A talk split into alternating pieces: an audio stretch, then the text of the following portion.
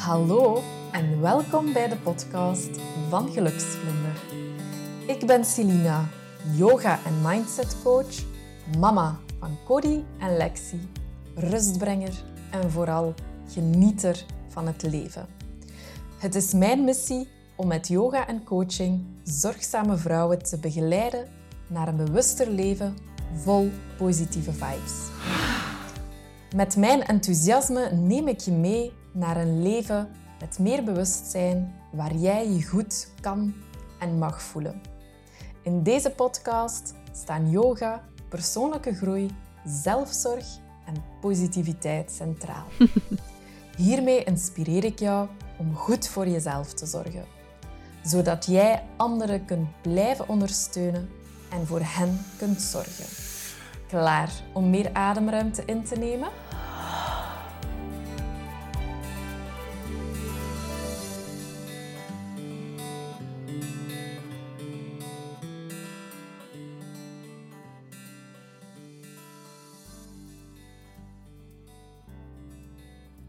Hallo en welkom bij een nieuwe aflevering van de Geluksvlinder podcast. Op moment van opname is het Valentijn. Tegenwoordig een heel commercieel feest waar ik eigenlijk niet aan meedoe. Maar ik vind door alle hartjes die je ziet, dat het eigenlijk wel het ideale moment is om even stil te staan bij uh, de liefdesrelatie die je hebt. En deze aflevering is er speciaal eentje voor kerstverse ouders of voor een koppel die midden in de tropenjaren zit.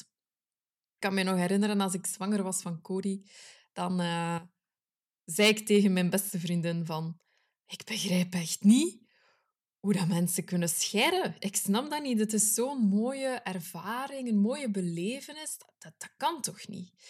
Uh, nu, zij had wel al twee kinderen en ze keek me wel wat bedenkelijk aan. En ik begreep het dus pas als Cody er was. Cody was zes weken oud en ik dacht, oké, ik begrijp wel waarom mensen scheiden. Ja, het ouderschap doet wat met jouw relatie. Hè? Er komt uh, een extra persoon bij. Uh, en, en ja, het vraagt een hele andere aanpak. Dus ja, in deze aflevering wil ik het eigenlijk hebben over hoe je elkaar eigenlijk terugvindt als je wereld op zijn kop is gezet door onder andere de komst van een baby. Uh, maar dat kan ook gelijk welke andere reden ook zijn. Uh, het gaat een heel open en kwetsbare aflevering zijn, dus ik geef het even mee, um, zodat jij kan beslissen voor jezelf of je daar genoeg energie of mindspace voor hebt. Ik ga starten vanuit mijn eigen beleving uh, van ja, de geboorte van Cody, de, de periode daarna eigenlijk. Je moet weten, mijn vriend en ik, eh, wij zijn soulmates van elkaar. Wij vinden heel veel dingen hetzelfde. Uh, uiteraard hebben we wel wat discussie gehad, maar nooit echt grote meningsverschillen of, of dergelijke. Nu, dat veranderde helemaal als we een kind kregen. Kan me nog herinneren um, dat we op een bepaald moment samen aan, aan het verzorgingskussen stonden en, en dat ik eigenlijk uh, hem de pamper niet wou laten verversen. Dus het is zo een, een, ja, een soort fase van loslaten, een stukje. Ja, elkaar goed gaan vertrouwen, maar ook veel meer gaan communiceren met elkaar. En niet alleen over praktische zaken, maar ook over het gedrag dat je stelt ten opzichte van je kind. Of hoe dat je jezelf voelt op dat moment. Ik, voor mij, mijn kraamtijd bij Cody was echt heel, heel, heel intens. Ik vond dat, ik vond dat enorm, ja, enorme, ja, ja, zoals ik het nu niet onder woorden kan brengen, zo was dat eigenlijk toen ook. Uh, het was heel heftig. En um, ja, ik geloof ook heel hard dat je als vrouw sterk verandert eens je mama wordt. En ja, dat heeft een effect ook op je relatie. Um, ik weet zo nog een quote, hè, als jij verandert, verandert alles om je heen. En dat is ook zo. Hè. En um, ja, ik kan me nog een heel specifieke situatie herinneren. En dat was onze visie op borstvoeding. We hadden daar eigenlijk alle twee een andere visie op. ik wou er echt alles aan doen om dat te doen slagen. Nu, even on the side, dat is uh, niet goed gelukt, aangezien dat Cody tijdens de bevalling een spierscheur in zijn nek heeft opgelopen en eigenlijk nooit goed heeft uh, ja, kunnen, kunnen zuigen aan de borst. Uh, maar hier dat we dat ontdekten, waren we zes weken verder. Hè? Dus je kunt je al een klein beetje inbeelden. Mijn man, allez, to be, want we zijn voorlopig nog niet getrouwd, maar af en toe zeg ik dat wel een keer ja, die, die had vooral de mening van ja, een flesje is ook helemaal oké. Uh, maar dat had dus eigenlijk als gevolg dat hij mij niet zo goed ondersteunde in heel het borstvoedingsverhaal. telkens als ik uh, moe was of ik had het wat moeilijk, dan uh, begon het eigenlijk terug over die flessenvoeding. Je moet rekening houden, al, juist als, je, als het zo'n intense periode is, ja, heb je net iemand nodig dat je ondersteunt. En dat had ik dus niet hè, op dat moment. Uh, zeker niet in dat verhaal. Uh, en dat was... Ja, ik vond dat heel moeilijk ook, omdat wij... Ja, wij waren dat ook niet gewoon van elkaar, dat wij een totaal andere visie op iets hadden. Uh, dat was heel moeilijk. En... Um, ja, ik kan me herinneren bij, bij Lexi dat we het daar wel op voorhand over hebben gehad. En dat ik toen wel zei van, kijk, ik, ga terug dus, ik heb terug dezelfde visie.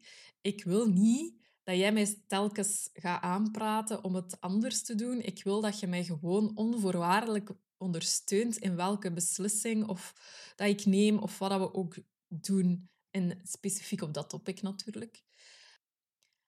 Maar ja, het is, het is heel intens. Hè? Twee kindjes erbij of, of ouder worden. Um, je wordt heel hard ook gespiegeld met jezelf, met je eigen opvoeding. Iedereen heeft ook een andere opvoeding gekregen. Um, ik merk dat ook in de manier hoe dat ik omga met mijn kinderen, maar ook in de manier hoe dat mijn partner omgaat uh, met, met, met onze kinderen. Dus het is, het is, ja, het, is heel verschillend en je moet elkaar daar echt in gaan, gaan terugvinden. En uh, dan heb ik het nog niet over de intimiteit die een stukje weg is, omdat je onderbroken nachten hebt, omdat je een kind op de wereld hebt gezet en het daar van onderen eigenlijk helemaal niet oké is. Ja, en dan die, die heftige, de heftige periode waarin dat je terug een beetje jullie plaats moet vinden als, als koppel, maar ook als ouder. Ja, dat doet eigenlijk allemaal niet zo goed aan je relatie.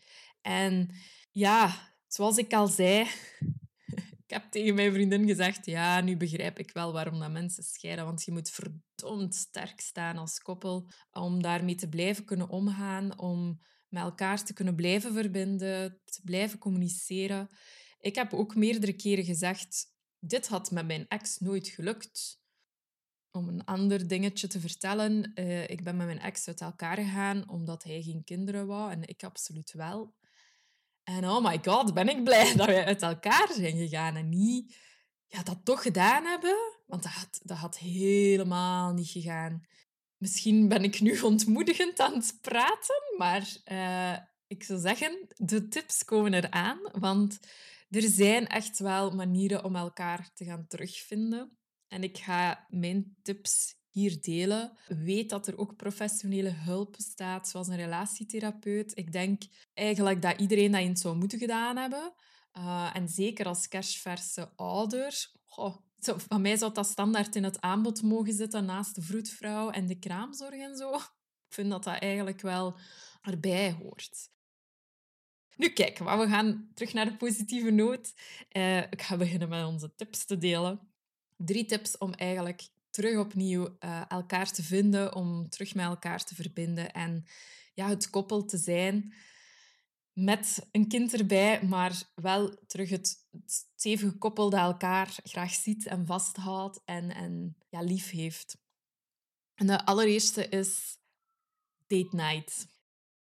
Heel belangrijk is dat dat een date night is zonder sociale verplichtingen. Dat is heel moeilijk. Hè? Uh, bij ons is dat ook wel vaker dat we, kom, we gaan eens gaan eten. En je dan eigenlijk ja, toch nog afspreekt met vrienden of zo, omdat je die dan ook niet zoveel ziet hè, als je net ouder bent geworden. Dus hè, uh, het is heel belangrijke dat als, als, je spreekt, als ik spreek over date night, is het echt enkel met jullie tweetjes iets gaan doen. Het belangrijkste daarin is, is ook ja, het loslaten een beetje van je kind. Hè? Ehm, wij hebben de privilege om onze kinderen uh, bij mijn ouders te doen, die daar af en toe een keer op willen passen, s'nachts ook. Uh, maar ik weet dat vele anderen dat niet hebben. Uh, weet echt waar, ik hoor je, ik zie je, dat lijkt me heel moeilijk. Hè? Maar ik kan mij bijvoorbeeld nog herinneren dat een vriendin van mij uh, pas voor de eerste keer haar kindje wegdeed bij de grootouder als die bijna een jaar was. Uh, bij ons is dat iets sneller gegaan. Wij konden dat iets gemakkelijker loslaten. Maar weet dat dat ook weer zoiets is waar dat je ja, het moeilijk mee gaat hebben, alle twee. En de ene zal misschien gemakkelijker kunnen loslaten dan de andere. Uh, wat hebben wij al gedaan van date night? Ik ga even wat inspiratie geven. Hè. Ja, wij zijn bijvoorbeeld uh, bij Lexi, ik denk Lexi was net twee, drie of vier maanden, zijn wij met een frigobox naar Knokken, ja ja, naar Knokken gegaan. Uh, we hebben daar een hotelletje geboekt en we hebben gewoon heel de avond uh, apero gedaan op het strand. We zijn daar dan ook blijven slapen daar. Um, en hebben s morgens nog super fijn gebruncht, dus dat was eigenlijk heel fijn. En uh, we hebben ook al eens een dagje naar de sauna geweest.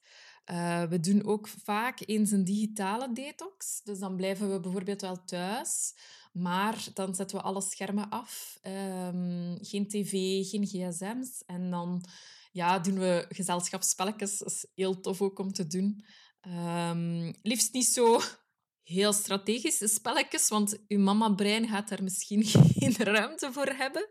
Uh, dus zo kaarten, Scrabble, uh, zo alles van die gemakkelijke dingetjes. Pictionary, uh, wie is het? Um, we zijn ook ooit al een keer naar een, um, ja, een soort goochelhuis geweest. Dat was ook super tof. Um, ja, waar dat er dan goochelaars rondliepen en die trucjes deden aan de tafel. Of we mochten ook zelfs iets mee naar een soort curiositeitenmuseum. Ja, dat was super tof. Uh, House of Mysteries noemt het in Gent. Um, dus ja, uh, er zijn heel veel opties. Maar het is niet altijd gemakkelijk. Hè? Uh, rekening houden met de tijd, het geld dat je ter beschikking hebt daarvoor. Wat staat er nog op onze bucketlist. Um, wij willen graag nog eens gaan rijden met de cabrio. We hebben dat alle twee nog nooit gedaan. Dus moest je in het bezit zijn van een cabrio, laat het mij weten. uh, wij willen die graag eens lenen. Ik heb ook nog nooit met de VR gespeeld, dus dat lijkt me ook wel eens grappig om te doen. Uh, en ik wil ook nog uh, in de 90s Expo geraken van het huis van Alain. Het huis van Alain, denk ik. ik weet het niet, Alain of Alain. Bon, je kent het misschien. Dus ja, date night. Heel belangrijk om dat gewoon in te plannen. Uh, probeer opvang te vinden voor je kinderen. En uh, geniet er vooral van hè, om terug te verbinden met elkaar. Dan de tweede tip is, wij hebben eigenlijk de uh, kaarten van Katrien Kolen gekocht. Katrien Kolen is een relatietherapeute en je kan haar vinden, vinden onder Lovers with Kids. Dus zij richt zich ook echt op mensen die eigenlijk net kinderen hebben gekregen zowel in haar praktijk, maar dus ook, ze heeft recent ook een boek geschreven, Liefde tijdens de tropenjaren. En uh, ja, ik vind haar kaartenset heel interessant. Dat zijn eigenlijk kaartjes uh, die draaien rond intimiteit en seks. Ik weet niet hoeveel dat er juist in zit, maar dan kan je een kaartje trekken, daar staat een vraag op en die kan je dan alle twee gaan beantwoorden. En dat gaat over de meest zotte dingen, zoals wat hetgene dat je het meest in elkaar waardeert? Uh, wat mis je van voordat je kinderen had? Um, zo die dingen zodanig dat je daar eigenlijk ja, over kunt praten met elkaar, elkaar daarin kunt gaan herkennen, kunt zien en vooral ook begrijpen. Dus zeker een cadeautip. of voor jezelf gewoon te kopen. Um, je gaat er echt heel toffe dingen uithalen. En een derde tip is de Agape-app. Agape uh, is eigenlijk, ik weet niet of ik het goed uitspreek, maar het is een Grieks woord. En dat uh, staat voor unconditionally love, dus onvoorwaardelijke liefde. Uh, het is een Engelstalige app. Hoe werkt het eigenlijk? Je zit eigenlijk op, met twee personen in de app en dan ga je eigenlijk ook vraagjes gaan beantwoorden. Maar je ziet niet het antwoord van de andere totdat je zelf geantwoord hebt. En dat gaat over hele banale dingen, maar ook hele serieuze dingen. Ga ik kijken, ik ga hem eens even openen en een keer een voorbeeld van een vraag geven. Vaak zijn de vragen ook zo in categorieën opgesplitst. Um, je hebt bijvoorbeeld een categorie rond seks, uiteraard. Maar ook, je kan dan aanduiden welke status dat je hebt. Dus wij hebben uh, vragen rond, ons, rond het verloofd zijn. Je hebt vragen rond mentale gezondheid. Bijvoorbeeld, dit is een, um, een voorbeeldvraag. What do you fear? How does it impact your relationships?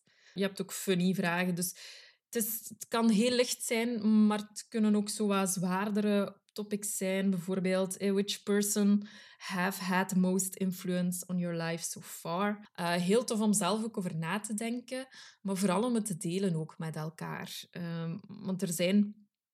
Ja, soms word je zo overschaduwd door al het praktische dat bij uh, het ouderschap hoort, dat je niet altijd diepgaande gesprekken meer hebt, dat het meer gaat over wat ga weten vandaag, ga jij de kleine gaan halen, ga ik hem gaan halen.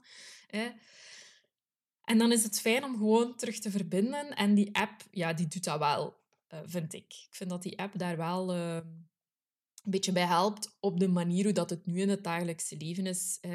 Je, zit elk op je werk op je smartphone, uh, maar je kunt wel in contact blijven met elkaar. Voilà, dat waren mijn drie tips.